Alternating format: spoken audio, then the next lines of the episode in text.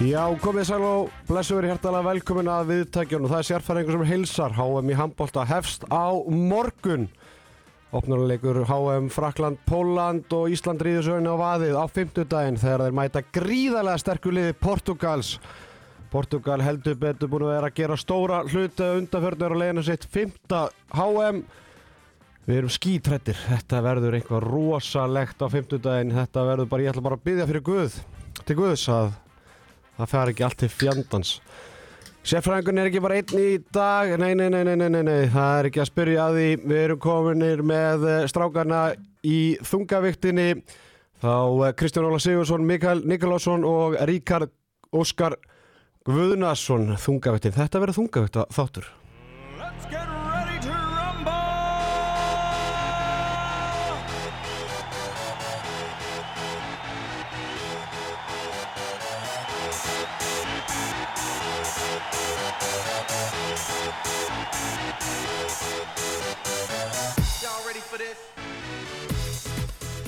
Komið sæl og verið hjertalega velkomin í þunga viktina þennan eh, frábæra þriðju dag. Eh, alvöru þáttur, þátturinn sem þorir og eh, mennitin sem þóra sitja hér á móti mér. Mikael Nikolásson og Kristján Óli Sigursson hvernig eru þið drengir, byrja þér Mike?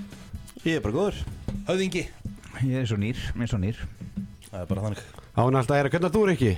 Herru, ég geti ekki verið betra, gaman að sitja hérna með henni þetta skiptið, svolítið Já. skrítið. Já. En uh, skemmtilegt. Þú ert að leiðin í, í kjöttfarsbólurnar í hátteginu? Herru, hakkabuffi get ekki beðið, spælt egg og, nóa prótini og fyttu Já, það er það sem að allir að byggja um, það er svona handbóltafæðið, strákar. Herði, þetta fer að byrja, það er ekki, það er ekki hægt að fá betri menn í, í þáttin, svona bara rétt fyrir mót, bara aðeins að keira fólki í, í gang, komaði nýr á jörðina, svona bara ykkar 50 cent, byrjum að þér, uh, Mikki, Mike, mm. hvernig ertu bara svona 50 fyrir fyrsta leik? Ég er mjög slagur Er ykkur ástæði fyrir því? Já, já, ég meina það er bara þannig að Þetta eru 60 mínútur í handbólta þú sérð sjaldan óvænt úslit í, í dag í svona uh, það er mikill gæðamunur í Ísland og Portugal í dag og Er það samt? Já, já, og þannig að hérna, við vinnum alltaf hennar leik Ég er hættastur við leikina mót ungverjónum í riðlunum, það verður erfiðasti leikurinn á að vinnast, en Portugal vinnst alltaf. Við erum ekki að fara þarna með þetta lið sem við erum með og tapa fyrsta leik, það er ekki fræðilega möguleik Hérna, bara fyrir hlustendur, Mike, hvernig er þinn handbóltafyrill? Íslandsmeistaratillar, Reykjavíkumeistaratillar Með hvað liði? KR Já, og svo bara hætti ég já, bara hættir tópnum Hætti á toppnum eftir Íslandsmeistaratitil í fjórðaflokk þá hætti ég í handbólta og embeti mér á fótbóltanum og ég fór, ég spilaði ég var nú eiginlega bara samt á eldra ári í handbóltanum, ég nefndi svo lítið því ég var á yngra árinu, mér fannst það alltaf skemmtilegir í fótbóltanum og, en það, þá var Reykjavíkumót og Íslandsmót og á, í sjötta flokk, 15. fjórflokk og ég fór í úslita leikin öll skiptin og ég held ég fjögur gull og tvö silfur. Það er nú ekki til að skamma sín fyrir Nei, það er meira eldur en margir sem eru bara að spila á HM í dag sko. Já, já, ég er nokkur hrættur um það. Rikki, hvernig er þinn handbóltafyrill? Eh, minn handbóltaferill spannaði fjögur ár frá 98 til, neða 97 til 2001 þá var ég á fylki en þetta voru það ég slagt í lókin að fylki var lagt niður í handbóltanum 2001 það með þá svona heila gafst ég upp. Það minnir mér svolítið á það hvernig hérna mentaskóla fyrill minnum var. Ég var í 6,5 ár með Flensborg því ég útskrifast af, af hérna fjölmjörnadeildina og búið að leggja hana niður. Já, já. Það var orðið það slagt þetta, hérna, þetta voru erfitt undir En þetta vinn í fjölmjölum í dag? Já, það er rétt. En hérna, jú, jú, ég var hérna var ágætur, ágætur á miðunni Ást á miðinni En Já, fylki er einhverja medalji í handbólta nei, nei, ég man 98 þegar fylki fór upp í efstu deild þá hérna, Nei, ég er bara að tala um yngjörflokkum eða eitthvað Já, nei, Í hvað nei. flokk varst þú? ég var Fymta, fjórða? 5 og 4 Stelpunni voru þetta góður hérna 90 Já, árbákur já, já. Sunna Marja og Sunna Jóns og Ég man bara þegar fylki fór upp í efstu deild eh, 98 það eh, riði ekki feitum hesti þar fóru niður með 0 stig. Já, ok, ég man ekki að því. Það var, var ekki gott. Þeir voru enda með hörkulið hérna 2000 og eitthvað þegar Heimir, hérna, Heimir Það var aðeins betra. Gulli Arnars og já, bara beint svo- úr frá Gúmisbakk Og svo var bara partí í búið. Já. Hver var að sponsa? Það? Ekki Simmi á Sport TV eða? Jú, gott ef ekki. Jó, ég er, ég er ekki frá Og held að Dr. Leður hefði líka verið á rassinum sko. Já. Kongurinn Kristján Róli, hvernig er þinn handbóltafyrill? Hann var, hann var upp og niður Við getum orðað það þannig En maður byrjaði í handbóltanum þegar loksins kom full size hús á Blöndósi 92 og ég held að mér að Ísland hafi spilað þarna milli jól og nýjas við frakkaði eitthvað slis Já, ok. Þannig að það var alvöru stemming og maður æfiði og spilaði, maður var, var alltaf Norðurlandsrið, það var að spila mútið Káa, það var Heimir Átna, Jónatan Magnússon og Hilmar Stefáns í hotinu og maður vorum hefnir við náum að skora mark en þetta var rosalegt lið sko og svo eldárun voru þetta bræðurnir í, í hérna, hvað heitir hljómsdinn, naglbítarnir, Kári og, og, og hérna, Og villi og Villi. Já, Já, Já, Villi var þetta Það vilja naglbítu góður í handbólta Já, já, bróður að senn betri. En svo ég held, held ég verið í fjóraflokki þegar ég til lauruglufyllt út úr húsa, á Húsavík. Ég rótaði einn hérna með olbúður skoti en það, það slapp. Hæ, Svo fór ég í bæinn og fór í breðablík og ég var að, alltaf bara að fara í fótboltan en það voru ennþá frí þannig að ég skellti mér á handbóltaðinga með þriðarflokki breðablíks og var bara uppgreitaður um leið í annarflokkin Ég veit ekki hvort þetta tengist allt saman en þið heyrið það, þið tengist öllu liðið sem er búið að leggja niður. Já, já, það, þetta var bara, held ég, nánast dauðategðar hjá blíkunum, Alli Hilmars var að þjálfa mig, sko. Já, Og ég spilaði tvo leiki með öðruflokki, annan í Vestmanni, múti IPVF og setjum leikur á Viking og hver það hefur verið hotnin hjá Vikingunum? Sveppi Sveppi Kull. En það er reyndar alveg magnað, ok, með fylki kannski hefur náttúrulega aldrei verið neitt í, í handbólta en, en það er náttúrulega magnað að K.R. og, og Breiðablík séu ekki með handbóltalið og, og það er náttúrulega bara, eh, það er svartur blettur á, á mínu góða félagi í Vesturbænum og það er ekki með handbóltalið því að þetta lið sem að ég var í og, og tók þessa titla sem ég var að segja á það voru sérstaklega í fjóruðaflokk og síðan þegar þeir held áfram og náttúrulega eitt best yngaflokkarlið sögunar á Íslandi og þá þegar ég var allast upp var alveg fyrir Gísla og Palli Ólafs og Conn Ólafs og fleiri í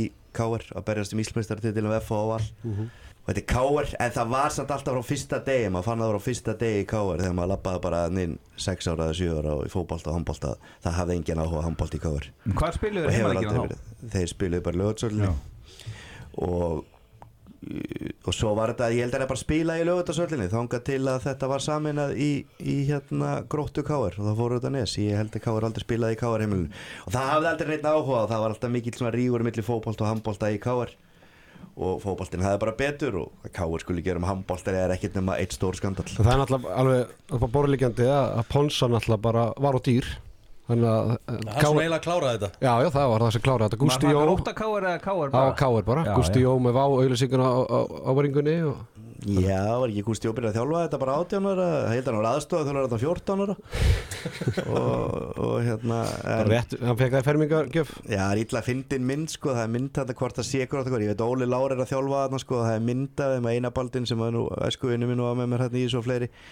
að að að og og Kái Gústi Jó orðin aðstofur hann er þrem árum yngri en við. Hann er svona 1.30 á þessari mynd sko.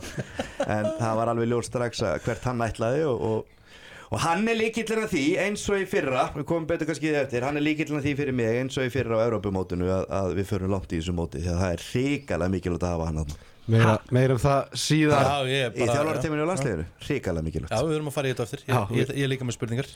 Herðu, hérna Kristján Óli, þín eftirminnlegasta landsliðsbynning frá upphafi Já, ég held að ég geti eiginlega ekki uh, hérna, tekið neitt annað en, en ústæðleikinu móti Pólverum 89 í byggkefni ég man ég horfði á hana leik ég var í pössun hjá uh, bróði pappa og konur hans af því að mamma og pappi voru fyllir í sverði í bænum og voru först upp á Holtaveri og svo fekk maður spóluna báðar spólur, það voru tvær spólur eftir að við unnum byggkefna það, voru það var svona tvekja uh, vídeospólu cover Anna, önnur spólan var ústæðleikurinn sjálfur og svo hitt var hérna, ferillin, bara reyðlega keppnin og all, allur pakkin og ég gleymi þess ekki, ég horfði ofta á hann að leika mútið pólverum og bóta menta átti ekki breyki í alla og fjölaða En málega það var náttúrulega stærri leikur í þessari keppni sko heldur en Póland sem, var, sem ætti að vera eftirminnileg Þýskalandsleikur? Já, Já, ég mann verið eftir hún þannig að hérna en, Ég var ekki fættur þetta strákar hann eða því bara, ég, að, ég var Ég fjóra get lánaði spólunar ég þarf ekki spólunar, ég man þetta eins og ég gerst í ger Nei, krökkunum henni í súdjónu Já, já, já,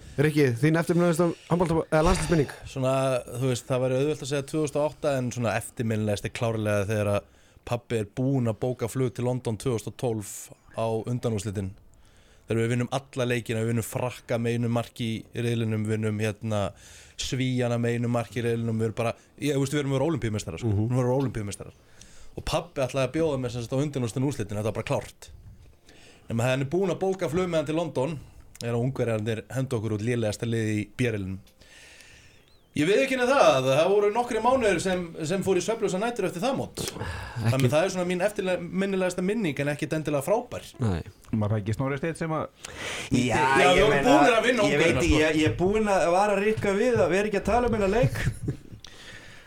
Og Það er í 27 ára sko. Ég var líka að fara til London á hann undanúrsluta leik Gauði lukka að ræta mig með það Og hann ekki máli að kopa flug svo sem Og Nei, þetta var náttúrulega bara veist, ég, ég ætla ekki að segja eftirminnlegasti en, en þetta er mestu viðbjóður í sögu íslenskra íþrótta Jú, Snorri Steinn klikkaði en, en Óli Steff hann þorði ekki á punktinn og það er sem að stendur alltaf upp úr hjá mér ég er búinn að segja það Óla og, og hérna það var rosalegt náttúrulega 7 sekundur eftir og einu mark Einu yfir mark og yfir. ítakast sko. En, hvað er þá þín eftirminnlegasta minn landsbyrð? eftirminnlisti leikur í Ísland-Rúmenni 86 maður setur honustjóni 6 Ég ára. var horfði allar leikina, já. Ég man að beita eftir kóruleikinu þá. Kóreuleiknum skítöpu í fyrsta leik þegar við áttum að vera heimsmeistarar eins og núna. Og fórum úr jörðin og töpum ykkur 11 fyrir kóru vinnum síðan í leik 2 hvort það voru bara ungarir nei, ég mannaði ekki alveg hverju voru í leik 2 og síðan förum við innan fræga leika mútið rúmunum aðna í leik 3 þar sem við verðum að vinna til að komast áfæra með milliræluna og mögur að taka með ykkur stig, ég held að það veri stig líka. Og við vinnum hérna þegar allir Hilmars vippa á honum hérna yfir. Fekk hraðaplöpi í restina og gummi gumm trilltist þarna í restina og hljópum allan völlin þegar við unnum þá var ég náttúrulega alveg dedicated á þetta sko. Þú veist 11-12 ára og, og, og hérna ég man að ég hef aldrei af glæður á æfinni og þau unnum þann leik. Það er lang eftirminnlisti leikurinn minn Þú veit, það er en eftirminnlust er ekki að tala um en það er bara eitthvað sem ég nenni ekki við að tala viljum um. ekki ræða það mikið með Nei.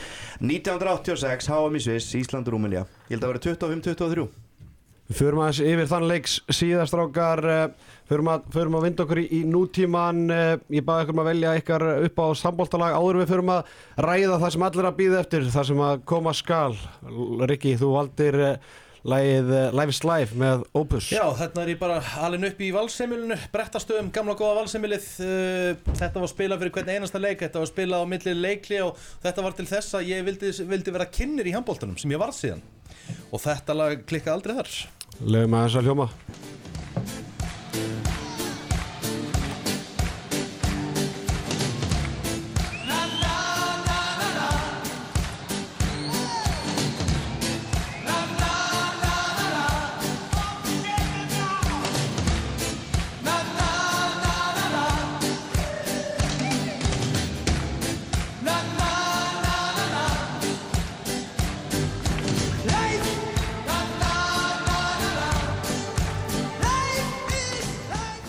heldur betur, þetta er eitt að besta það er, sko, það er aldrei enginn sem er ekki að klappa þegar þetta lag kemur í höllina sérstaklega á svona stórmótum. Já, ég elska þetta lag sko. að taka allir undir. Þetta er svona eitt af mætti samt alveg fara að uppfæra playlistin á þessu stórmótum. Ég er búin að fara á tvö núna. Mike, ef þetta virkar og það er ekki að breyta því sko. Ég er þetta að virka? Já, Eh, Ég myndi velja að fara að uppfæra þetta.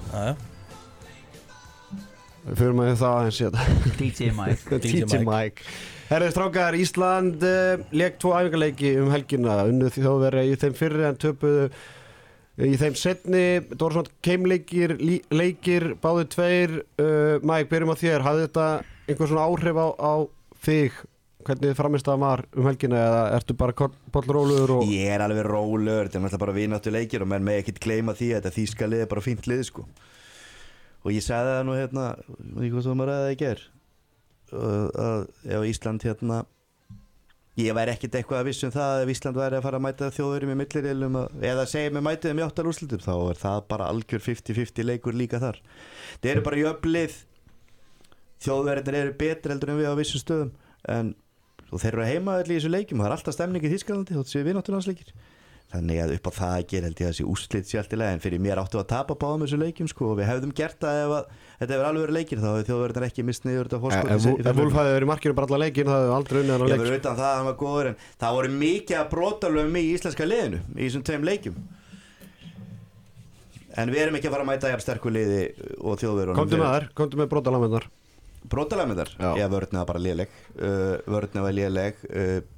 Bakku uppi fyrir Aron Pálmarsson og mjög lélegt. Uh, Markvarslan var góð í einum hálfleik á fjórum. Já, eða náðu því. Ég með fannst Bjöggi góður í setna áleika í fyrirleiknum. Það ég ætla ekki að taka það á hann Hann tók einhverja nýju bolta eða eitthvað og marga úr döða fær Jú, jú, sex mörgum undir Hann gjössalega kom okkur inn í leikin það. Til þessi er markmaðurinn. Uh, ég var mjög, Viktor Gísla var mjög slagur mjög slagur Vörnið var bara slög, línan Ég meina alltaf þetta að segja línumennir bla bla bla uh, Þeir, við erum bara ekki með nógu góða línumenn með mörg lið og þeir klúður á mikið að færum þeir opna ekki nógu vel. En, en svona það sem ég Gísli Þorgir var ekki góður í þessu leikjum fannst mér þótt Alfreð fannst hann frábær. Og þannig að það voru bara fullt af brotalum í þessu og, og, og, og hérna en helst náttúrulega við fáum yfir 30 mörg á okkur og fáum í fyrri áleik 37 mörg á okkur samanlagt í tveim leikjum, það er ekki gott. Þú átt að vera með einbetting og aðeins sterkar í fyrri áleik heldur en það var í þessu leikjum og við þurfum að bæta okkur aðeins þar. En það sem ég er mestar ágjörnur af er vinstri vangurinn ef Ar- ef Aron er ekki að spila vel. Ég verð að segja það. Talið það er ekki, gummi gum tekur það ákvörðin að að kvíla bara Aron Pálmars og Ómar í setni leiknum. Uh, getur einhvern veginn reynda í ímyndaðir hver pælingin var þar? Þetta er bara gummi gunn- gummi gummi í nótskurn, kútar og axlabönd þú veist, ég meina ástæðan fyrir hann velur Hákon Dada held ég í stæðan fyrir Steven Valencia því að gummi bara, þú veist hann vil bara sama hlutin svolítið, hann er bara og hann hefur hugsað, þú veist ég ætla ekki að að taka ykkur að sjensa núna hérna, leikir tvo dagir röð og mögulega fara meðan hvort Aron eða Ómar sem eru tveir mikilvægst mennir okkar. Þannig að hann hefur bara séð leika á borðið að passa það að ekkert skildi gerast og þetta er bara gummi gummi, ég meina, veist, hann er bara að passa upp á tvo bestu mennir sem eru tveir mikilvægstu mennir okkar. Þannig að hérna já, ég held að það hef ekkert verið mikið flóknar en það sko. Það sem ég skil ekki var að ræða hans í, í gæra er að þú, þú veist, þú spilar æfingarleik fyrir æfingarleikur sem var ekkert spes, þú ert sex mörgum undir og, og, og nærða að breyta og þú sérði eitthvað gott eða eitthvað slæmt sem þú vilt spila. Ég skil ekki að Aron og Ómar hafi ekki spilað kortir, bara það að æfa jafnvel eitthvað undirtölu eða yfirtölu eða eitthvað vartarskiptingar Já, eða þú veist, hvernig ætlar að breyta? Aron spila kortir, hvernig kemur næsti maður inn eftir Aroni eða veist, bara það að vera ekki með þá neitt það bara svona gerir æfingarleikin að ekki neinn skilum við, þú, þú ert aldrei að fara í, leika stórmóti án þeirra beggja nema bara COVID-ið ræðist á okkur eða eitthvað anskotan sko er bara meittir og ég, það, máli, það, það breyttist ekkert milli daga það máttu vera átjáman og skýslur ykkur Já, já. sunnudaginn sko. ég skil ekki okkur þurft að sitja í stúkunni sko. það er bara jacuzzi, á, á en strákana svo sko líka sko ég er bara gummi ég, þú veist, gummi sá tæki frá að vinna fyrirleikin það er ekkert mál að koma og segja já þetta skiptir einhver máli til bara æfingarleikur þetta skiptir miklu máli fyrir hann sko, að vinna leikin og sá tækifærið þannig að Ómar fekk ekki eina mínúti kvildi í þeim leik sem er líka mjög spes. Já, já. að því að við erum miklu betur settir með varamenn fyrir Ómar heldur en nokkuð tíman samanlega því. Og hann fekk enga kvíld en ég er sammálaðir þú veist að, að hann að þeir áttu að Ómar áttu aldrei að byrja setni leikin hann hefði að gefa Viggo þarna tækifæri sem hann nýtti en að sjálfsög ég, meni, ég veit það ekki, hvað gátt ekki setið á bekknum og hitta upp með liðinu og tekið einhverja mínútur? Ég... en ég held svo sem að það hafi engin sérstök áhrif á, á 50 daginn þegar við byrjum þetta nei, mót sko. ekkert, ekkert þannig. Kristján Róli, svona þín 50 cent varandi þennan leik, eitthvað svona sem að eh, stakk í augun? Nei, ég sem betur fyrr var erlendis og sá ekki þessa leiki en ég var nú að lesa um þetta og fylgjast með sérfræðingunum uh, að ræða þetta. En ég held að æfingarleikir er alltaf æfingarleikir en þú vilt samt fara inn í stórmót með hérna, smá sjálfstöðst og hefði verið stert að við komum tilbaka þarna á, á lögadeginum að kvilkja þið eftir á sundeginum en úst, ef við erum að kvíla okkar tvo lang, langbestu menn þá kannski er eðlilegt að við töfum fyrir þjóðurum því að við erum bara alltaf litla Ísland sko en það er bara þannig að það er uh, 50 dagur sem skiptir öllu máli og að byrja á móti Portugal og eitthvað eitthva, hérna, bananahýði kalla þetta einhverjir það er bara ekkert í bóði að við verðum að fá, fara með fjögust í innan milliriðil ef við ætlum að, að gera eitthvað á þessu móti. Ég, ég sko, ég, svo, það sem ég verið pínu á að gera, þú veist, ég- svo við tala við gumm eftir leik, hann er svo tens, þú veist, eins og að tala um húst, það fer svo rosalegi töðnar á hann, hvað sérfræðingar er að tala upp Ísland og hérna, og væntingarnar og hann er farin að einbytta sem finnst með meira af því heldur en svona mögulega liðinu sjálf, er hann að segja þetta við leikmenn, við mögum ekki gera hérna, við mögum ekki setja marki á hátstrakal, við verðum að halda okkur á að að, eða þú veist, er hann ekki að kalla trú? Ég meina segjum að fara illa, við förum ekki upp úr millireflu við förum ekki átt að lúslið, þá er auðvitað að segja hann hefði nú ekki eins og trú á þessu sjálfur þjálfarinn, Já, e, það er bara, vindum okkur bara aðeins í gummagum fyrst við erum komnir þangað, ég meina, e, það er bara punkturinn hjá mér, er hann að fara á taugum? Nei, nei, nei. Þetta er bara hann er alltaf verið alveg eins. Hann er ekkert að fara henni taugum. Fyrir taugarnar En, en ég meina ég, í sérfræðing og voru að segja Já, ég slaka Senda þetta mennum SMS já, Já, já, slaka til að segja mannum að slaka og, og hann er ekki svo einin sem ringir í sérfræðinga. En, en málega það Hva, Hver er að ringja Nei. sérfræðinga? ég, ég, ég, ég veit ekki um nennar sko. Ég, ég segi bara svona En, en hérna Af hverju er ekki bara yfir í smark við ætlum undarúst á þessu móti? Allt annað er vonbrið Ég- Nei, ég- ég- ég var- yfirlist markmiða er náttúrulega bara mjög einfalt. Yfirlist Komdu markmiða Ólympíuleika? á bara að vera topp 8 og topp 8 eru, er fórkefn Ólympíuleika. Ok, nú ætla ég aðeins að stoppa. Nú, Ég var að hlusta hérna viðtal við, við hérna Óla Guðmunds og Björgun Pál Gústafsson í, í hérna út- íþróttavarpina á Rúf hjá Þorkil Gunnari Sigurbjörnsinni og þar er, þeir spyrju þeir í, í lokin bara svona stráka, hvað er markmiðið? Og það kemur svona, það kemur bara þögn. Þetta er eins og það má ekki ræða þetta. Og svo þetta er bara þetta spurning og þetta er bara podcast og það er bara hægt að klippa spurninguna þannig að þeir verða ekkert einu svar og, og hérna, hvort Óli Guðmunds hafi sagt hvað, hérna, er þetta bleiki fyrir í herbygginu það verði ekki að svara þessu. Þetta, og maður var bara svona, er það grínast? Og Já, svo, já. svo þegar þeir byrja að tala og svo kemur Björgun Páll og fer á flug og þá náttúrulega byrja þeir að tala um eitthvað svona að þetta er náttúrulega bara fyrsta markmið á komast búrðilunum og, millir, og svo þegar þeir fattar náttúrulega og, og við, við erum ekki heimskir þú ert komin í áttalúslit þá er ekki bara svona, það er ekki markmið eitthvað sliðs að fara bara í áttalúslit Nei, mig, þannig að markmið auðvitað liðsins er bara að fara í undan úslit Já, já, það er markmiði hjá 7-8 liðum og það munir bara fjögur komast ángað og ég er endar er ekki alveg búin að kíkja á það ég veit ekki hvað þú sem búin að gera þetta ég veit ekki alveg búin að kíkja á það hvernig þetta spilast í áttalúslitunum ef við endum við, já, við, við mætum Danmörku eða Króti í, í 90% tilhuga já, þannig að það er bara Danmörk grót já. það er. Danmörk að grót já, eða það- ég geta land Já, sem að er þess að þar megin. Ok, þannig að þá, þá, ok, þá erum við komnir í það Töpum einu marki fyrir Svíþjóð Mhm. Og endum í Danmörku.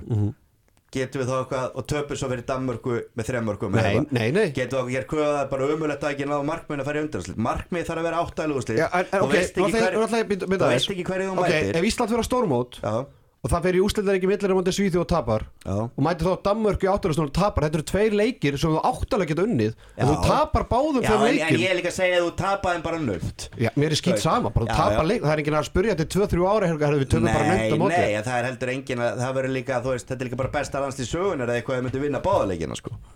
Já, já, þú veist, Svíjan, það, er, það er hver maður um fætur öðrum meittur hjá Já, Svíjanum og, já, það getur bara margt gert í þessu móti og er bara það að markmið hjá liðinu er alltaf að fara í undanúslit, Já. það er alveg klárt mál. Það er klárt mál. það er markmið.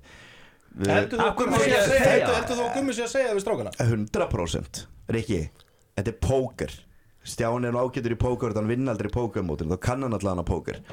Og málið er það, af hverju þarf gummi að vera hérna gasbrand og gasbrand út um allt eins og við skilinu og að koma eitthvað markmið, það er ekkert hans að vera að segja okkur það, hann bara getur Ok, okay, haldið ég- sér, ég- auðvita er að búin að segja það við menn að, að, að markmiði sé undanúslit og það er markmiði hjá liðinu, það ok, er klárt. Ok, ég skil það Mike, þá ætlum ég að spyrja þig á móti. Ok, hann segir það við menn En af hverju er hann þá að ringja að senda einhvern sérfræðingum SMS að tala einhverja væntingar upp? Heldur því að hann er búin að vera í Þú þessu- Arnar Þór Viðarsson Af því- sé að senda okkur SMS við Já, hann er um bara það að tala um væntingarnar að vinna eitt leik sko. Og ef það er ekki líktistæðin sko. Þannig einu væntingarnar sem hann talar, upp sko. En, en málið er að þarna við að tala um HM í handbólta og tala um leikja mútið og dönum eins og en ekki Er ekki San alltaf að Marino. spila við Svíjan á morgun? Nei, eftir fjóra daga frá síðasta leik. Það er ekki að fymta en þó en, en hérna en, en ég er að segja, þú veist, málið hann er búin að vera í þessi 40 ár Gummi. Og hann veit að manna best. Það er ástæðan fyrir að hann er að ringja í menn og, og segja hann að slaka á. Hann veit að manna best að þegar að væntingarnar hafa farið upp hjá Íslandi þá er ekki gengið vel hjá Íslandi. Mm. Þegar að væntingarnar hafi verið frekar litlar í Íslandi þá er oftast gengið vel. Auðvitað voru alveg væntingar fyrir EM 2010 þegar við erum búin að fara í undanúrslit Ólympíuleikum og við erum sama lið og Aron Pálmarsson er komin inn. Það var lélegt að vinna ekki það mót. Það er bara þannig. En fyrir utan það höfum okkur eiginlega aldrei gengið vel þegar væntingarnar eru þetta undanúrslit. Þannig að hann nennir ekki að hlusta á þetta allt. 2012 Já, hann nennir ekki að hlusta á þetta allt. Og svo að skýta hann vil, en markmiðið er undanúrslit. Það er klárt og ég er með það staðfest. En hvernig finnst ykkur, Riki, bæði bara svo tví, hérna tvær spurningar. Fyrsta lagi, umræðan, skilur mig Manst eftir jafn mikill umræðu og, og mikill, mikill spennu fyrir stórmóti? Jú, Ólubyrgar 2012 koma stertu. Annað, hvernig finnst þér það að gummi gum Það fyrsta nána sem hann gerir eftir leik er að fara í síman og skoða hvað sérfræðingar að segja um lið Þetta er það sem ég er að segja. Mér finnst hann að og mér finnst það skrítið að þjálfari á hans kalibri sem er búin að vinna titla sem þjálfari uh, titla sem leikmaður og hann sé að pæli hvað eins og Óli Stef bara hitti naglan höfu hann á ekkert að vera að spá í okkur Nei. bara ekki, ekki eina sekund, hann á ekki að vera að lesa miðla það, það er alltaf mín skoðun það, já, það er bara mörgvöldið þannig trúðu mér, hann er ekkit að hann, hann svaf ekki eina mínútu á síðasta mótum hann er ekki heldur svo eina mínútu núna sko. hann er ekkit að missa neitt sjónur og því sem hann á að vera að gera sko. en, en þetta er bara út um allt það er málið, þetta er ekkit alveg eins og í gamla það sem opna bara mokkan og þriðuti og sást úrslitin sko. núna er þetta bara út um allt og og það, veist, það er erfitt að hlusta ekki og neitt og lesa ekki neitt og, og ekki neitt sko. þetta, veist, menn er bara að loka sig ekki inn í einhverjum helli þarna sko. og þú veist, menn eru bara misjættir þetta fer bara í töðunar á honum That's it, liði verður ekkert lélera betra við því. Þetta er spurning um hvernig leikmenn stansa á vellinum og þeir gerðu ekki nóga vel í þessu leikjum um helgina. Og þeir fara aldrei lengar inn í áttal úrslitið eða ekki að spila betur en um helgina. Stjáni, hérna, er ykkur þjálfari ykkur stórlega í boltaðýþrótum sem er að pæla mikið í, í fjölmjölum svona að þú getur gefið hlustundum ykkur svona, með, ykkur kalla í boltanum, enska boltanum eða Mögulega gamli góði Jose Mourinho hann elskar að- að að fletta upp og, og lesa eitthvað um sjálfa sig og, og hérna svara ekki á það svo ofan í Já, menn. og, og hérna bara rota menn og, en, en gummi bara hann alltaf ef, að- það er alltaf að tala um við sem að byggja upp eitthvað lið og um, hérna þetta næstu olimpíuleika séu hérna það verði hápunkturinn Nei, menn hann tala um 5-6 árstjáni Já. en það, það er komið, það er, tími það er að koma og ég meina, þessi hópur, meina, við erum með hérna, besta og markaðasta leikmann í bútislíkunni, Aron Pálmarsson er, er einn af fimm bestu handbóltamennum í heimi þegar hann er á deginu sínum. Viktor Gísli er, að- er að nálgast sennilega hátendin þó að hann er hérna í nóg eftir. Þannig að það er líkill að fara á stormút það er að vera með markvist markvæslan hefur, hvað ætli markvæslan hafi klúrað fyrir okkur mörgum stormútum í gegnum tíðina? Svona 35 stórum mótum Já. en þá var vörnun ofta ágætt en núna þarf vörnun að smetla til að markmennir smetli uh, því markmennir eru betri heldur en ofta áður. Gaupi segir að sóknir vinni leiki en varnir og markvæsla vinna tilla ég held að já, við, hvað er Landín og, og Óma er búin að vinna marga titla? Það er það. Nákvæmlega Já, en svo eru, við bara Ísland og við eigum ekki eitt titil sko. Veist, ég er búin að fylgjast með þessi í 40 ára og það er ekki eitt titil í húsi Við nú sko. þetta er Norðurlandamóti í gamla dag ég er ekki svona viss. En en en, en málega bara það að, að það er bara ógeðslega mikið press á gumma þetta er reyndar ekki alveg rétt hann er talað um eins og Óli Stefán sagði líka þetta var 5-6 ár. Hann talaði um 3-4 ár. Hann talaði aldrei um 5-6 ár. Hann talaði 3-4 ár og ég held að séu 4 ár síðan hann tók hann er á fjóraða ári núna. Já, er á fjórða ári. Þannig að ég veit ekki hvað menn er að bulla með þetta 5-6 ár. Hann sagði það aldrei. Hann sagði ég þarf þrjú ár og það er ekki verið að horfa á olimpíuleikanum 2024 Það voru að horfa á þetta mót og liðið komið lengra heldur hann hjælt fyrir þremur árum því hann hafði Það- engat, hann hafði engat þegar ég var í höllinni 2019 í Þýskalandi og öskraði hann á höllina hendur sem Ómar Inga út úr höllinni því hann var lélegasti maður mótsins þá átti ég ekki vona því frekar en Guðmundur Guðmundsson. Hann er í bestileik maður heims tveim árum setna Nei, og, og, og Gísli Þorger með öll átti reyndar meiðslin. svo sem alveg vona á honum en hann var mikið meiddur. en Ómar Ingi, hann dreif ekki á marki 2019 hann var ömulugur í öllum leikjum sorry, ömulugur Teitur fekk tækifæri það var sko. besti leikmaður mótsins 2022 og Gummi átti ekki vona svona rosalegum framförum þótt hann hafi greinilega vita hvað Ómar gætt þess vegna var hann að spila honum. En svo fór hann bara bekkin og hann átti mjög slagt mót þar. Ekkert sérstakur 2020 síðan er bara eru bara menn búin að bæta sig. já, og já, já, sko. Og menn eru búin að bæta sér mikið þannig að pressan á gumma, nú er komið að þessu þannig að það er gríðarlega pressa á honum og þá nennir hann ekki að hlusta á einhverjum fjölumilum en allan daginn vera að tala þetta upp það er bara málið 5500 Íslendingar á leiðin til Svíþjóðar það með þetta, verður á lálur sko. Þetta er sjúkt. Herðu, ræðum aðeins hérna Ómar Inga og Gísla Þorgir. Uh, ég er með punkt hérna, svona eins í dýftina. Fyrir mér og það sem ég hef rætt við, svona handbólta spekulanta hérna fyrir hérna mótið er að svona þeir sem eru djúpir inn í þessu eru í þjálfarfræðinu þá er full mikil innföldun að ætlast til þess að Gísli Þorgir og Ómar Ingi blómstri jafn mikið um íslenska landsliðinu eins og Magdeburg. Þetta er bara og uh, núna allir þið svolítið fótbolta þengjandi þetta er bara tvent ólíkt leikplan Uh, þú veist, uh, hérna, Óli Stef tók þetta mjög hérna, gott í uppbytun fyrir fyrirleikin, hann var að tala um Sogstrup hérna, uh, línumannin hjá Magdeburg. Veist, hann er gríðalega mikilvægur fyrir þá. Miða við hvernig við Auðvelt að finna hann. hann, að ríkja á réttum momentum þú veist, þú getur ekki bara látið hann vera lausan á línunni, við sáum það bara í þessum æfingarleik og, það fór svolítið smá í töðan á mér. Jú, jú, og Aron Pálmarsson gefur ykkur blindandi línusending á ími það sem það bara, ími er bara kaffarðar og, og tapar bolta og hraðablöfi baki. Arna Freyr dettur þegar hann ætlar að grípa ekkert boltan og eitthvað svona. Það sem að íslenska landsliði Aron Pálmarsson, Ó- Ómar Ím, eh, hérna, Gísli Þorgir, Janus þeir verða að halda áfram að þóra og vilja senda á línuna því að það sést svo bessilega þegar að anstakina fara að klippa okkur og leikurinn okkur að ef við fyrir að hætta að treysta því að senda á línuna eða eitthvað svona þá fara bara vartina að þetta ennþá meira á Gísla og Ómar og í hverju þeir vestir? Það er þegar vartinnar eru ekkert eðlilega þéttar. Þeir vilja fara maður á mann, þeir, þeir vilja þessi búa til pláss fyrir þá. En þegar vartinnar fara bara að gleyma línumanninum skilum við til að þétta, þá verðum við bara í held spasli Já.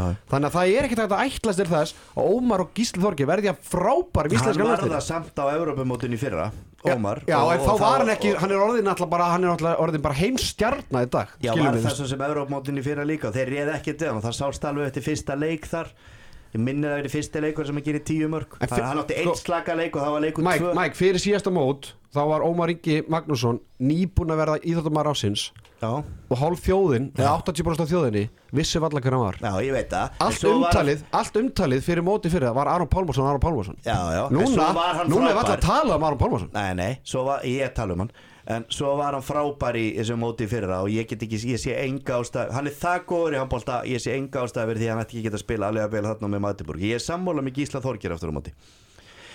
Það vandamálið sem mér finnst oft, sko Það, það er allt í lagi að senda inn á línu. En það sem þeir verða átt að segja á Sérstaklega Gísli, mér finnst hann í Ómar aðeins skinsamur oft Heldur en hinni tveir, ef við tökum þess að þrjá. Að línumenn sem Aron Pólmansson var að spila með í Vesperem og, og Barcelona og svo segir þú núna Gísli Orgeir Já. að þetta eru gæði sem gríp allt. Það er, veist skoðu þetta eins, þegar slæmir, slæmir kaplar koma og það gerist líka á lögadaginu mútið þjóðurunum að þá eru þessar sendingar aftur fyrir bak og þetta kjaftaði Mhm. og blindandi sendingar. Íslensku línumennir staðfest ráð ekki við það. Nei, og þar eru við ángríns ofta fá 5-6 mörg á okkur í andlitið. Í hraðaplum í ræðaflum og það er, það er þetta sem þarf bara að hætta. Þeir munu aldrei, Aron Pálmarsson mun aldrei spila handbóltalega og þess að hætta að gefa línuna. En það þýðir ekki þessar blindandi sendingar þeir eru konið í smá í það var gerist rosalegt móment á sunnundaginn að, að við vorum í yfirtölu og Arnar Frey var laus í svona einu og halva sekundu og Aron Pálmarsson tók frekar þversendingu niður á það hotni að- það er ekki verið að sunnudaginn, hann spila ekki yfirtölunni þá var, Íminn nýbúin ekki grípa og menn geta þeirri pyrraðir eða grípi ekki tvis En ég, það- ég ekki- að taka alveg línum en lí, að lífi. Ég, þessi elli er búin að að spila vel í Gúmusbakk ég sá eitthvað viðtalið Guðjón Vali gerði hann var eitthvað að taka hann að Hákon Daða hann er ekki á hann. Hann segir að Hákon búin ég veit ekki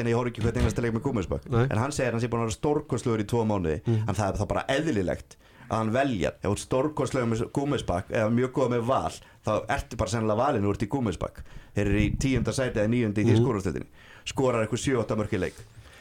Hann segir ellið sé búin að vera frábær.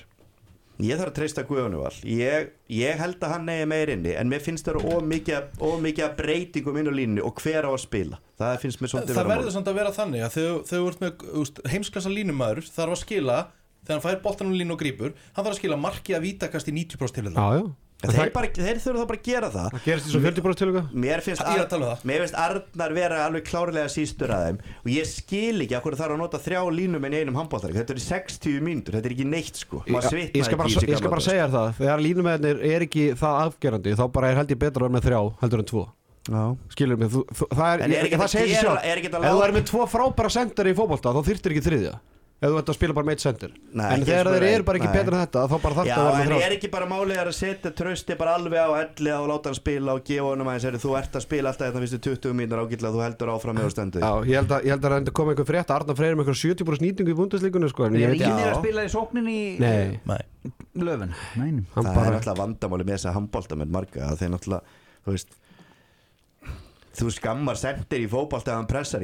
að þú þú en þetta getur bara að fara út af. Og til af. Þú veist það er bara djók. Þú veist að sko ekki geta að spila vörn og sókn er bara eitt gríð, jú, Siggi Sveins ég fyrir ekki honum þetta en bara engum öðrum sko. Herru, Kristján Róli, hérna móti hefst á, á þriðjudaginn. Svona bursja frá einhver endilega einhver svona Fimm- fimm- á fimmtudaginn, já. Fimmtudaginn Ísland. fimmtudaginn. Hérna, hvað ertu svona spenntastur að sjá? Ekkert endilega hvernig við spilum heldur bara svona, þú veist hvað sérðu fyrir að geti gerst? Þú veist, sérðu fyrir að við erum sem bara að fara að slátra þessum leikum í riðlakeppninni eða, þú veist, Ég er bara að gera kröfu og Viktor Gísli tæki 20 blöður í fyrsta leik. Já. Það er búið að vera að hæpa mikið upp. Þannig að þú spenntur að sjá hvernig Viktor Gísli með koma inn í þetta. Hann alltaf bara var, eins og tölum á hann virkilega dapur í þessum já. um helgina. Byrjar hann eitthvað? Já, hann hlýtur að byrja, hann skotin hafið ég, ég veit ekki hvernig þjálfur var að líta á frammestu eða, eða eitthvað gamlar myndir. Ég myndi með frammestu um helgina að byrja Björgum Pál að ég, ég hérna miða við það hvernig þetta þróaðist í setnileiknum að við sáum það að Björgur Pál kom inn í fyrraháleik þetta var, þetta var mjög fallegt moment. Og, og síðan myndaði lágunum hérna í háleiknum og hann var bara tilbúin að fara að koma inn á eða bara se- byrja setniháleikin og kemur gummi gumm og, og hvernig knúsar hann og fyrir eitthvað kvísla á honum. Og þá er hann að tilgjöra það herra, við verðum að láta Viktor hérna að spila við verðum einhvern veginn að koma í gang. Og, og Bjöggi bara, á, ok, ég er klár. Og þetta var vel gert, mm -hmm. kom hann reyða hann upp Viktor og gaf hann hérna high five og bara peppa hann upp. Þetta er landslið sko, þetta er ekki 50 flokkur sko. Já, en ég er að segja það það- er að gæja upp sko Hann bara drullaslega verri hann sem að bara Já, bekknum, en sko. þetta er greinlega miðað við þetta moment, hann þá er hann nummer eitt. Já, þú veist, það segir mig það bara. Já, já, þá er hann bara nummer eitt En þá er eins og Stjáni segir, þá er hann að verja eitthvað í þessum Já, leik. já, já. Þetta er ekkert að vera bara nummer eitt, þú er bara að Það það í meistara sem Nei. er látin? Nei, þeir eru búin að vera með Það- Það er mjög dabra Það vandamálið. markværslu í Já, síðustu já, leikum En við gleym, ekki gleyma því, það er bara ár síðan. Við vorum með báðum þessu liðið með il og em. Það er að finna við það. Það er alveg leiðilega við þetta sko. Já, og unnu er bæðið með einu marki. Já, Nei, unnu Portugal með fjórum. Já, Og svo unnu er bara ungverjar með einu marki Og voru drullu hefnir að vinna þá, það sko. Bjöggi bara varði þarna Já, frá svo var það Holland sem unnu með einu líka og voru mjög slagir í þeim leik. Því þú átt alltaf eitt slagan leik í svona riðli Og það er bara þannig, það eiga öll landslið eitt slagan leik í þessu móti. Og nú þarf að- þarf Ísland að fara að læra það Að taka rétta leikin sem slaga leikin Vinnum við ekki kóruðu þó við séum slækir? Jú, jú. Já, vinnum kóru, en máli er ég er skítrættur við ungverðarleikin, ég er hrættur við hann líka leikur 2 og ég er skítrættur við hann. En þess að ég segi Sko ef við töpum út ungurum og töpum út þessu svíum bara heimavelli fyrir framann 12.000 manns í Skandinavíum þá erum við, ekki- þá erum við ekki að leiðin náttúrulega Það er málið sennileg ekki, en ungverðar geta alveg tapað einhverjum leikjum og, og það gæti, gæti færi áttalúslit með tveimur. Ungverðan getur tapað bæði fyrir Brasilíu og Portugal sko, Nei, nei, nei. Þeir geta það, allan að Portugal það er klárt. Ronaldinho með en, en ég segi bara þú veist, ef, auðvitað þetta er bara þannig, þetta er eiginlega ekkert eitthvað riðill og milliriðill, þetta er bara eitt stór riðill. Segja að þú ferð áfram og þannig að þú ert bara drullar að ná í stig strax en ég, þú veist, mín, mitt mat er það að, að, að líkillin í þessu móti er Aron er og, og líkillin í þessu móti er Aron Pálmarsson. Stilli og gummi stilli ákvörðat spilatíman hans er rétt. Það tala nefnilega mikið um Ómar besti handbóltumar í heimi en þú veist, það má ekki glemma því að Aron Pálmásson er samt algjör líkill á okkar móti. við eigum ekki að replaya þessi fyrir hann sko, það er málið En ok, þá fyrir að vinda upp okkar í Aron Pálmarsson. Hann er fyrir leiðliðsins Nú er ég bara með punkt hérna. Ég fekk góða menn til að að koma með spurningar á ykkur þunga eftir spurningar. Spurningar er einföld. Getur Aron Pálmarsson leitt liðið? Er, þetta, er hann nægilega stór karakter til að leiða lið? Já, Ég segi já. ég er það. algjörlega. Það er en, núna- en hann þarf að standa sig á vellinum. Hann náttúrulega fekk ekki hitta silfur á 2008 hann, og, og það er alltaf að tala um það þegar við fórum hann til London 2012 að þetta væri silfurlið pluss svo Aron Pálmarsson Mhm. sem er bara nákvæmlega eins og það var. En þar skýtum henni heið og hann hlýtur að vilja bæta þetta það nú ekki töpu einu leik Já, það er nóg En- en- Já, hann er hann er, hann er, að, hann er, að, hann er að hérna, koma heim í, í vor og sem hann er að gefa frá sér fleiri 20 miljóna til að koma heim og spila bara fyrir hérna, uh, FH sitt lið hann hlýtur að vera sínu. hann fær 0 krónur fyrir að spila fyrir þetta íslenska landslið sko. þannig að það er núna eða aldrei Það er tækifærnast núna, ég er sammála því Nei, hann er ekkert sammála því hann er nóg eftir í landsliðinu sko, en þetta er auðvitað stórt mót og, og, og ég held að þetta snúist bara um það ætla að haldast til, minnst það rosalega oft meðast ég, ég var potið að vera nefnbrotan át um helgina sko. er hann ekki 100% og svo er það bara eitthvað, 100% svo er það bara eitthvað gríma eða ekki með, veistu, tveim leikjónum og veist, ég ætla fyrst að sjá hann klára mótið. Það hefur bara ógeðslega langt síðan að það gerðist sko, auðvitað óöppinni fyrir hann með COVID og allt, það meittist hann ekki síðan eftir COVID jú, jú, mér minni það. En það þarf að stilla alveg spilatíman hans er rétt. Hann þarf að spila vörn og sókn. Þegar hann er inn á hann á að spila svona 30-40 mínútur í leik, ekki meira.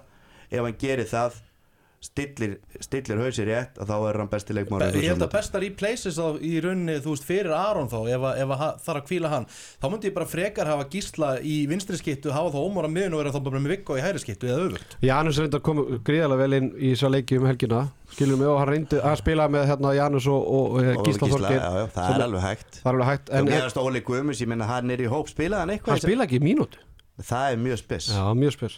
Það er mjög spes því að hann er Það er, bara, það er ekkit mjög spes, það er bara stór furðulegt. Hann hlýtur að hafa verið eitthvað meittur vegna þess að til hvers er hann að velja? Þetta er mikilvæg staðan á vellinum og þessi Elvar Áskis Jú, jú, hann kom ágill innarni í fyrra í einu tveim leikjum en hann er bara ekkit nógu góður í þetta.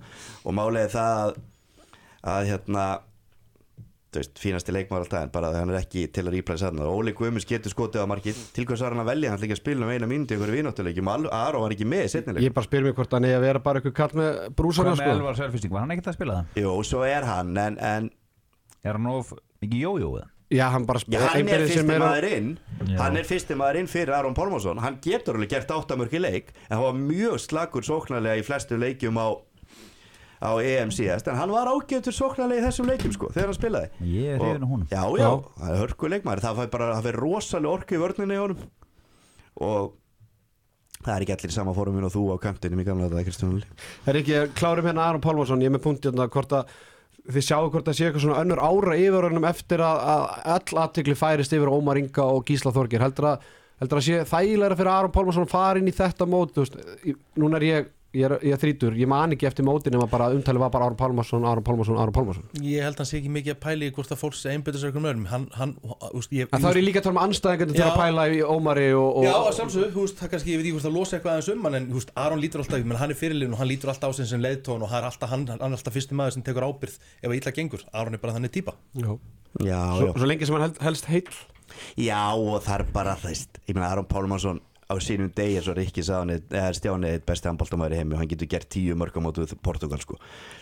En hann þarf bara hausinn þarf að vera í lagi og þetta sem ég held að hann hafi létt á honum mörgum kíl og maður líði er bara orðið miklu betra sem hann er með og hann þarf ekki að taka allar ábyrðina sjálfur en hann er í mjög mikilvæg stöðu því að hann er ekki með gott bakkup að mínum mati Hvernig, hvernig förum við COVID-testið fræga? Herðu, það Morgun, er ekki núna einhver. Pólverþetta fór í gær, þeir eru að spila Jú, þá fyrir við í dag, Já. Pólveretta fór í gær Svíjarnir, hérna, það komið staðfesting að allir séu Já, hérna Þá neikvæðir. erum við að fara í dag, Þannig það að er rétt Það gemur upp 100% eitthvað snill. Nei, ekki núna, en það er náttúrulega þetta milli riðils og milli riðil sem að maður er svona hrættastur um sko Bæði ég og kollegi minn Gummi Gumm, við erum skítrætti með það að, að, að geti komið út að ferðast á milli borga og svona. Já.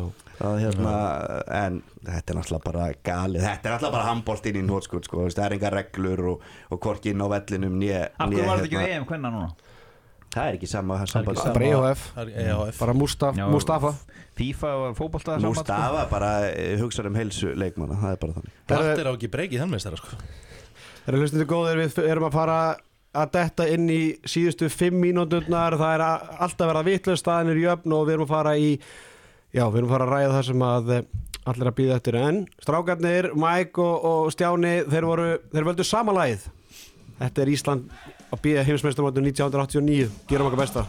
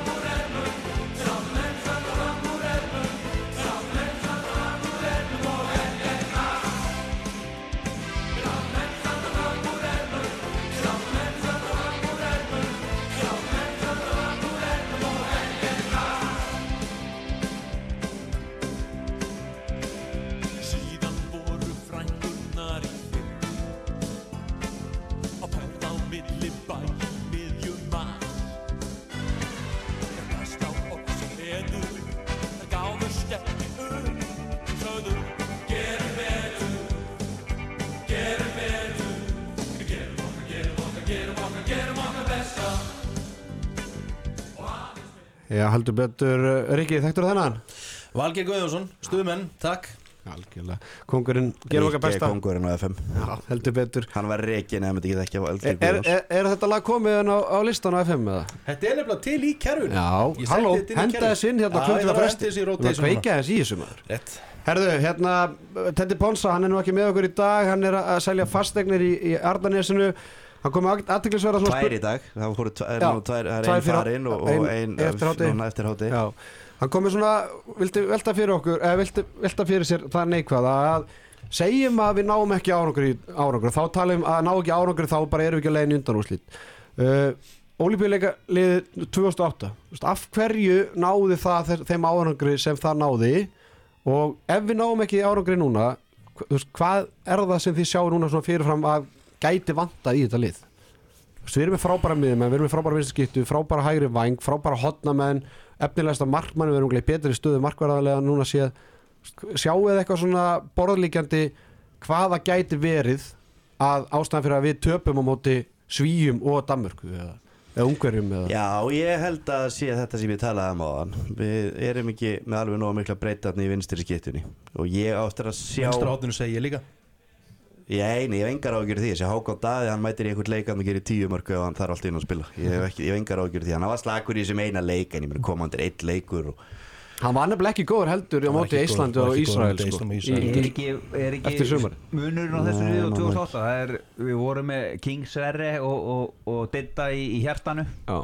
það var anskotanum erfiðar að fara í og gegnum Sigfús Sigursson og, og fúsa. toppa sko Ég er sammála því, eða skilum við varnarlega þá erum við í smá basli Já, já, Þú veist, ég er bestu, þrýr bestu varnamennanga? Elvar Örn Jónsson Ímir Já, Já, Eru þeir á sama kaliber og þessi varnamenn voru á sín tíma? Já, Nei. já, Ímir, jú, jú, Ímir klárlega Ímir er besti varnamenn í Þísklandi En það var öll Það er bara ekki rétt hjá þér Mike, þó að Ímir sé góð vinnu minn þá er, þá er það bara ekki alveg rétt. Þetta er maður sem hann er að spila eitthvað tímundu kortir að ræna eitthvað löfen Hann er bara í bullandi Það var bara búin að sko. gefa eftir. Hann var allavega, hann var það fyrir einu, tveimur árum. Ég veit ekki en ég er ekki búin að horfa á marga leiki Þetta veitur Nei, hann, en, en, Ekki en frekar með Gómezbakk í, Ímir lítur vel út, skilur mig En ef þú myndir ef Það við, getur vel verið að sé búin að gefa eftir. Ég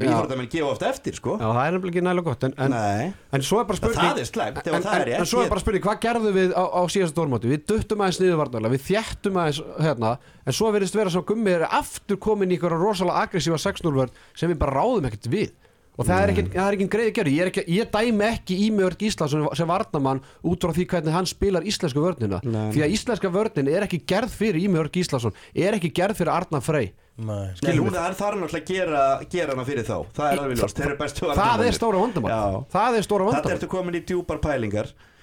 Það Því ég er nú bara búin að sjá eh, þessa tvo leikja mútið þjóðverum annan í símanum. Að, að, að, já, ég var ekki alveg kannski að pæla þetta svona djúpt í þessum tveim leikjum. Nei, það hefur náttúrulega bara sérst á síðastu stórmóti líka skilur mig, það, það er ekki fyrir að fá vörðin var ágætið þegar eftir að fá COVID og dettu niður. En þessi þessi ungarleikin Við réðum ekki raskat upp hann íti Við vorum að Já, skiltundur já. út á 10-12 metra og við vorum að Þess með er hættu ungverðin aftur Við alltaf við ef við ætlum að spila þessa aggressíu vörd sem að gummi bara dáur að dýrka sko. En ég segi bara, þú veist Við erum í fymta Við erum fymta hérna, líklegasta lið til að vinna mótið samkvæmt veðböngum sem að því það við getum unni mótið við erum bara fymta líklegasta lið það er ekkert að segja við séum fymta besta lið. Þú veist, við getum alveg verið betur en liðin fyrir ofan okkur. Við getum líka verið slakari. Áttalega úrslit er bara algjört markmið og þetta er leið að koma þangað. Þetta verður feil ef við komumst ekki þangað. Ef við komumst þangað að þá er þetta Er náttúrulega Já, erum veist, ekki gleyma því við hefðum farið undan og svolítið EM í fyrir að munna Kroata og við vorum í unnin leik í Ef Danir hefur hálfleik. bara drullast til að vinna sin leik sko. Já, já, það má alltaf benda okkur aðra. En við áttum bara að vinna Kroatana og við vorum yfir einhverju fjóru mörgum og Kroatani gátt ekki neitt í þessu móti. Þeir eru unni eitt leik og það voru okkur.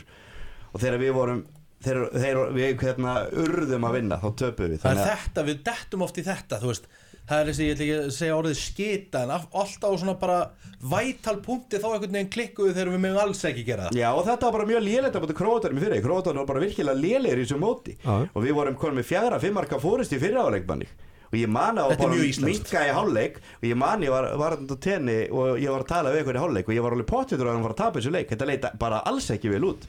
En það vantaði marga þá. Ég held að líka bara ólupjöleikar eru allt annað heldur en svona mót. Já, það er já. bara þannig. Og ólupjöleikar er bara það, þeir eru réttur seðillin í áttalegðuslit og þá er þetta eins og Stjáni segir dagsform. Þarna er Fjögulega 6 og góðast í áttal úrslit Já og þú veist Og þegar við dettum úr 2008 erum við búin að eins og Rikki segir Erum búin að vinna riðilin með fullu húsi. 2008 Allt æðislegt æðislegt Horfið á riðilin Töpur í sögu kóru Gerum tvö jættefli. Þú veist Við erum bara tæpir að fara áfram Upp á riðilinum sko. Þetta voru En, við vorum bara tæpir að horfa bara riðilum Já. 2008 Svo bara smellur eitthvað allt í raun á Pólandi bara eins og smalli á Alfred Gíslaðsson á móti Frakland á sínum tíma. Eins og smalli á Guðmundur Guðmundsson á móti Fraklandi núna í síðasta móti. Já. Og það er bara að rétti leikurinn smelli sem gerðist á olimpíuleikunum 2008 það small rétti leikurinn. Núna er þetta 14 árum síðar 14 árum síðar þá verður það að fara að hitta á réttaða leikin tapa rétta leiknum, það Já. má ekki vera ungverland eins og venjulega sko. Nei, veist, bara, þurfu su- bara svíjarnir í, í milliriðli. Eitthvað svoleiðis eða þú veist, eða tapaður í sögu kóru og þeir fara samt ekki áfram. Eitthvað svona skilur þú veist vegna þess að núna skiptir þetta miklu meira máli heldur einhverja olimpíuleikar það er svo auðvelt að komast áfram að þarna þarftu að og það má svo rosa lítið út að bregða en, en við erum, jú, jú, erum við riðilega allt það, við eigum að vinna Portugal við eigum að vinna Ungverland og þá, við erum í léttasta milliru líka og Gummi er líka eins að tala um það og við erum í léttasta milliru já. sko. hann gleymið því alveg sko. Já, hann ekki svona hann, hann bendir bara það sem hendar honum. Herru, Rikki, hérna talandi um, um Gumma eh, hérna eitthvað svona skilaboð til Gumma ef hann var að hlusta skilur, hver, hvernig sérðu fyrir þér að hann muni mæta í viðtöl út af umræðinu sem hefur verið? Þú hann, hann finnur alveg fyrir því skilur mig að það er verið að svara honum. Þú veist, Logi er að svara honum, Óli er að svara honum. Ég held að gummi muni svolítið slaka á núna sérstaklega eftir hérna, viðtala mútið þjóðurum þegar, þegar hérna, Ólafur Stefánsson sagði bara ekki þú voru að pæli þessu, þetta kemur ekki við og það, jú, hann, hann les það alveg og hann les kommentakerfun, ég veit alveg vantar að hvernig gummi virkar. Ég veist að gummi slaki hans á núna var hann að svara og, og talandi um einhverjum væntingar. Ég held að hann sé farin að einbytta sig núna að, að bara mótinu. Eru tveir dagir í fyrsta leik þannig ég held að hann sé ekki fara að kommenta neitt, eh, kommenta neitt meira á þetta. Sammála því, Stjáni? Já, hann verður bara að gera það og hérna, það er, það er hérna, eins og við vorum að tala um að það væri fjö, drú eða fjögur ára eða fimm eða sex sem alltaf að gefa sér.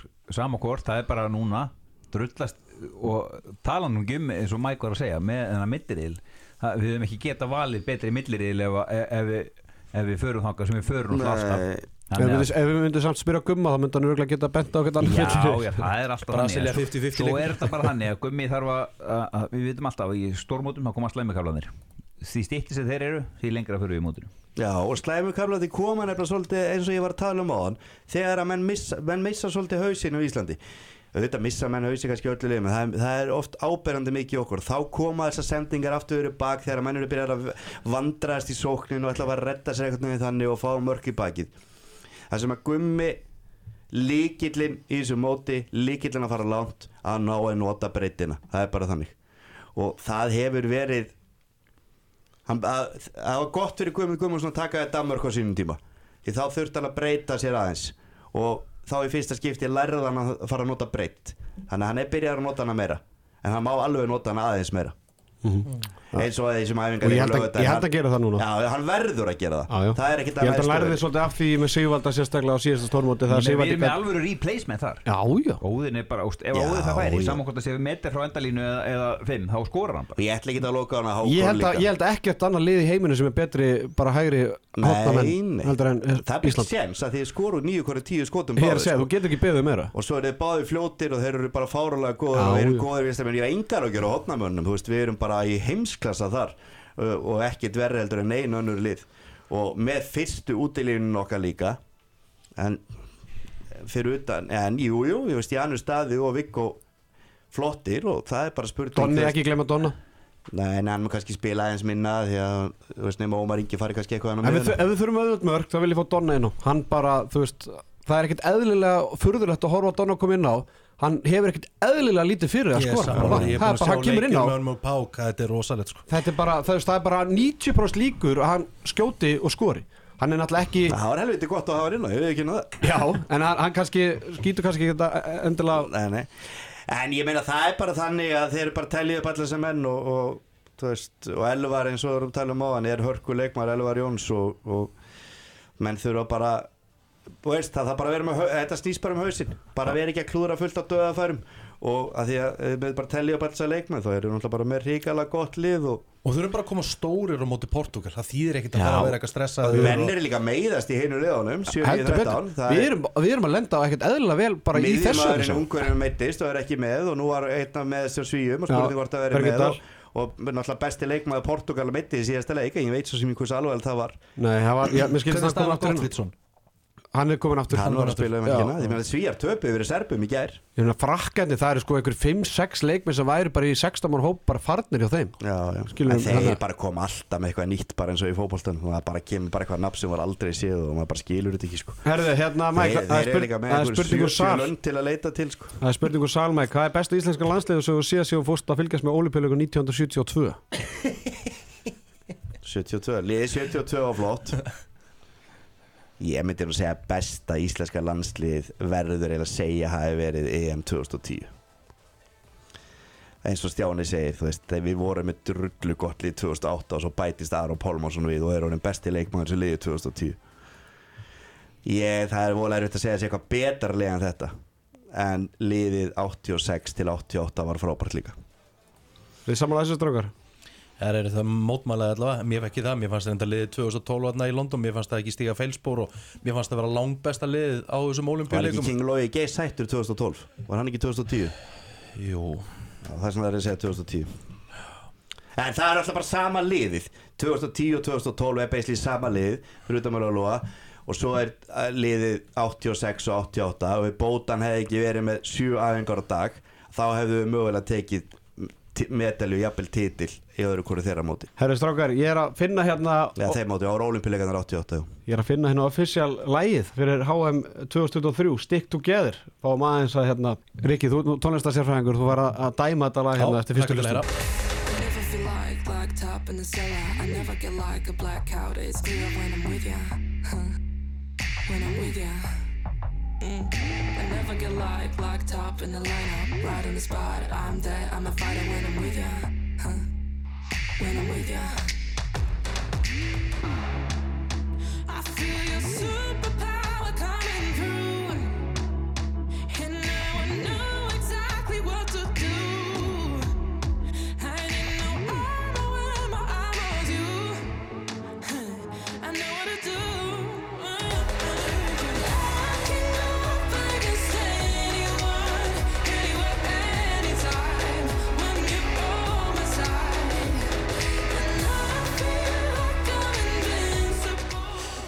er alvöru vonbreiði, já já. Þetta, var, þetta er ekki Dominik Klein hérna eins og var á HM 2019 Djúður var það gott lag maður. Já, ég sammála því, það var gott. Herri, nú er allir neikvæðar í Íslandi þannig að hvernig er næsta testa bara eftir yðilin Akkur er svo neikvæð, nei á, út á COVID. Mats Mensa með COVID? Nei, Það skiptir einhver, hann er í algjöru auka hlutur kjóðunum í dag. Já, það skiptir allt máli, hann byrjar ekki mótið en, Hann hefur komast í eldhúsið. Já, en með Mikael Hansen og Herbyggi En Hvernig er næsta test? Er það bara eftir Eftir- eftir- Eftir, eftir riðilinn. Já, já, ég meina þú veist, þá bara vinnum við leikinu í rílnum og þóttu fengjum nokkuð COVID þá var allir mættir í áttalústin frábæra neikvæða fréttir á landsliðinu í handbóltan Sammála því. Herru, þetta er Dominik Klein, þetta er alveg lag Þetta var gott lag, sammála því. We'll be standing up tall, we'll be burning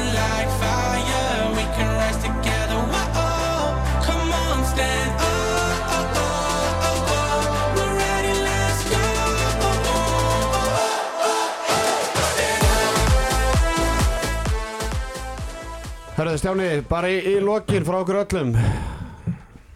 E Ekki tala ykkur að eitthvað þvælu. Þín spá.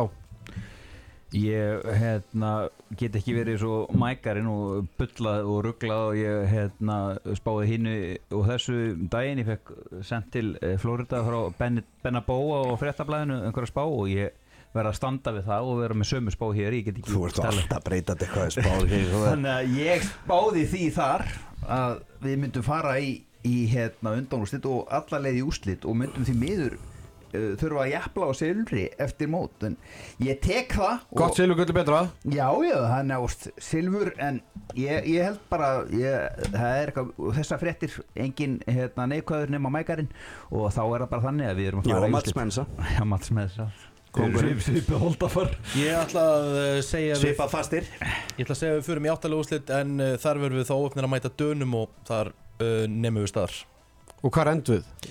Þá setjum við bara, hann að fyrir við leika á móti sko Já, 5 til, fimm til hérna Átta. 8 ég ætla að segja sjönda. 7 57 gefur örugt olíbíusæti Ég ætla að segja sjö, Áttund eiginlega líka Já, sjönda seti.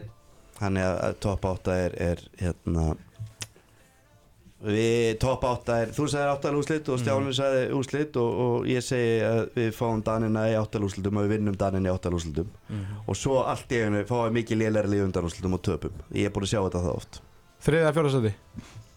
Mér er svo sem alveg saman það, ég er bara brýt sjónvarpið við töpum þessum undan úslileik og, og ég verð ekki alveg gaman að fá þriða sætir ég er ekkert að fá þessa metalíu þannig að það verða vombriði þannig að við endum í ég hef ekki segja bara þriða sæti það fyrir alveg eftir hverju við mætum hverju nenn að spila leikum þriða sæti Sundalust og fösti og úslit Já, og hann já. er ekki að lauga degi neitt. Það er nefnilega ég að, að sko að við ætlum að fara að vinna svíja og svo Dani eða Króata og svo líka undanúrsleikin ég, ég bara er ekki að sjá þetta. Uh, mér finnst þetta bara of langt um mót til að Ísland eigi möguleika á að vinna það. Því miður. En mónandi er rámt fyrir mér. Ok, loka spurning Hvað yrðu vombriði?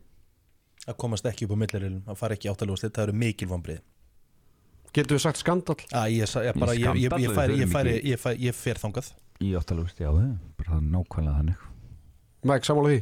Já, það eru, eru mikil vombri sko, það er riðillin og léttasti milliriðillin léttasti Við riðill? að vera? Nei, Alls ekki. Léttasti E riðillin einna léttistu Við erum í erfiðasta riðlinum. Nei, nei Við og þjóðverri erum í erfiðasta riðlinum. Já, bara það eru tveir riðlar, já, þannig já, já, það eru klárlega erfiðastu að en mjög slagt að við í erum- áttalúslit Já, ég meina það er náttúrulega bara Það eru vombrið við vinnum ekki eh, Við vinnum ekki hérna uh, Vinnum ekki þessa uh, Allt þetta, alla þessa sex leiki Með flest stig eftir þessa sex leiki Og verðum fyrir ofan svíjana líka, það eru vombrið Skandallega fyrir mikið áfram En allt í lægi, vendum öðrust og fyrir mjög áttarúsli Áttarúsli er bara 50 Já, til leikur En það er mjög erfitt að fá da En Danmörk og Kroatia og Egyptaland líka Ég veit ekki hvað er best að þessu, þetta voru ekki góða fyrir eftir sko Svíjandi töpum undir Serbum í angalegi gær með tvö mörgum sko Þannig að Já, Serbarni get, er alveg, geta alveg farið undanúslit í þessu móti og mér sýnist við vera léttara megin þegar allt kemur til alls.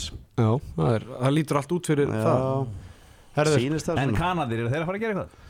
Herðu Þannig að það voru óöfnir í gæri á móti með þetta hérna- með einhverja 30 mörgum Robert, ég, ég sá aðdeglisverð hérna á doktor, doktor hérna, fútbolleik með það var verið að tala um handbólt þar að hérna, Robert Hedin er búin að taka við hérna, bandaríska landsliðinu, Svíin Svíin og hann er búin að leita af öllum skilum við bandaríkjamanni sem er, er búi í Evrópu sem hafa einhverja tengingu skilum við, þannig að hann er með svona BC-klassa Allsýringarnir og Marokko já, Klinsmann og gerði. Þannig að Þannig að hann er með svona BC-típur af svíjum og, og alls konar mótinu? Þeir eru á mótinu, Já. fyrsta sinn í bara mjög langa tíma okay.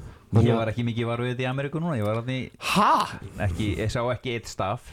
En, Það er líka óþæra að sjá okkur að stafi já Nei, nei, það bara er þannig að við erum bara með frábært lið og, og auðvitað eigum við bara, þú veist, alltaf að fara í áttalut og líka það að svona spekingarnir eins og þú segir það að Portugal, Ungverland sé ekki alveg sterk og hafa kannski verið að, og ég veit að með Portugal en ég hef aldrei séð, þú veist, ég er búin að fylgjast með þessu, þú veist, ég segi bara maður er alltaf talað um og ég hef sagt á þessu þáttum hverja grílu með króata, en ég þól ekki króata ef eitthvað sem ég þól ekki þá er mæk þar. Og það er ekki bara handbóltegin hendur okkur líka út af EM í fótbolta síðast. Og ég hef aldrei séð Ísland eða auðvelt að leika mot ungverjum. Ég hef séð ungverja henda okkur út á svona sjö stórumótum Já, já, og, og- og- og alltaf er alltaf með einu marki og alltaf verið við sigurvísur á mótið. Þannig ég ætla ekki að vera sigurvís ég, bara, ég veit það að það verður erfiðu leikur á lögutæg mjög erfiður. Allt og oft, þeir eru að henda okkur allt Ég og oft henda mig til Ungverland Fóð með nýja tennur ef við vinnum það á lögðin það verður bara mál er að ég man bara eftir minnir að vera HM 97 þú veist, þá ætlum við að fara alla leið líka. Við Dúra Nóna og Gústa Bjarn og þess að konga Japan. þarna sko og þá töpuðum við fyrir ungurum í millirili og það fór, fór allar hérna, allir möguleikanir og þetta er búið að vera bara endalus og líka bara, við erum alltaf ungurum við spilum alltaf við þá, við erum alltaf erum sama hvort að þeir séu með og það er líka alltaf einhver einn gæi ungur sem skor alltaf svona 11 og 12 mörg Já, Baníti Já, síðast og nú og, kemur bara einhver annar sko veist, þannig að ég, það er leikur til að hræðast, ég er miklu hrættar af hann heldur í svíjaleikin sko Þeir eru með hérna einhver þrjá fjóra leikmenn úr hérna fyrir kvarásliðinu sem að valsararnir fóru nú bara nokkuð þægilega með Já, þannig að þeir að spila er þetta bara uppfyllingarefni uh, þeir eru ekki að spila mikið, þeir eru svona 12 til 16 En hvað hva, hva, eru þeir með eitthvað yfirlýst markmið þess, þessar þjóðir? Ég hef ekki séð það, en ég meina það ætla bara öll lið í áttalega úslit sem eru með leikmenn sem er að spila bara í heimsklassa í mistaröldinu hver einustu viku skilum við þetta er bara stútsu Eðlilega. hlið af liðum, leikmennum í Pick Segget og Vesprem og Það er nefnilega málið sko. Já, Þeir kunni já. þetta alveg þessi gæðar sko. Já, já, en, en, en hérna förum ekki, förum ekki meira það með. Ég heirt að ungar þetta séu auðmingjar. Er ykkur ungari sem er unnið eitthvað í einstaklega íþrótt? Ég er ekki spjótkastari, var hann ekki ungveri hérna? Já, ég, Soltan hérna? Nei, hann hétt hérna, Laslo það ekki. Laslo Hann ekki ungari Já, mögulega kannski einna af hvað, ég veit ekki hvað mörgum miljónum en, en hérna, þetta hefst allt á, á morgun þegar Póland og Frakland mætast og síðan er þetta Ísland, Portugala á fimmtudaginn, Ísland, Ungarlanda á laugadaginn og á mánudaginn er það Suður Kórum en ég verði þetta næst með handkasti, háum handkasti á fimmtudaginn strax þetta leik þegar strákarnir í Steve Daskra ætla að gera upp leikin á sunnudaginn ger ég síðan upp e, ungarleikin með Dóttur fútból og á e, mánudaginn mæta strákarnir í Boltin Líguríki, Tómi Steindós og Sigurður Orri á samt Það er Gunnar gott að vera með Birgis. nóga bjór þar endur á, á mánudaginn? Já þegar að uh, máli Steindós hvaða dagur mætir. er, sko. Skiptir einhver máli hvað dagur er sko. Já, Mánudag ok, já. Helst á virkum degi sko. Þá, þá höfum við það bara þannig. Strákar, takk hérlega fyrir komuna. Ég segi bara í indislegan janúarmánuð. Veistlan er að byrja. Takk. Takk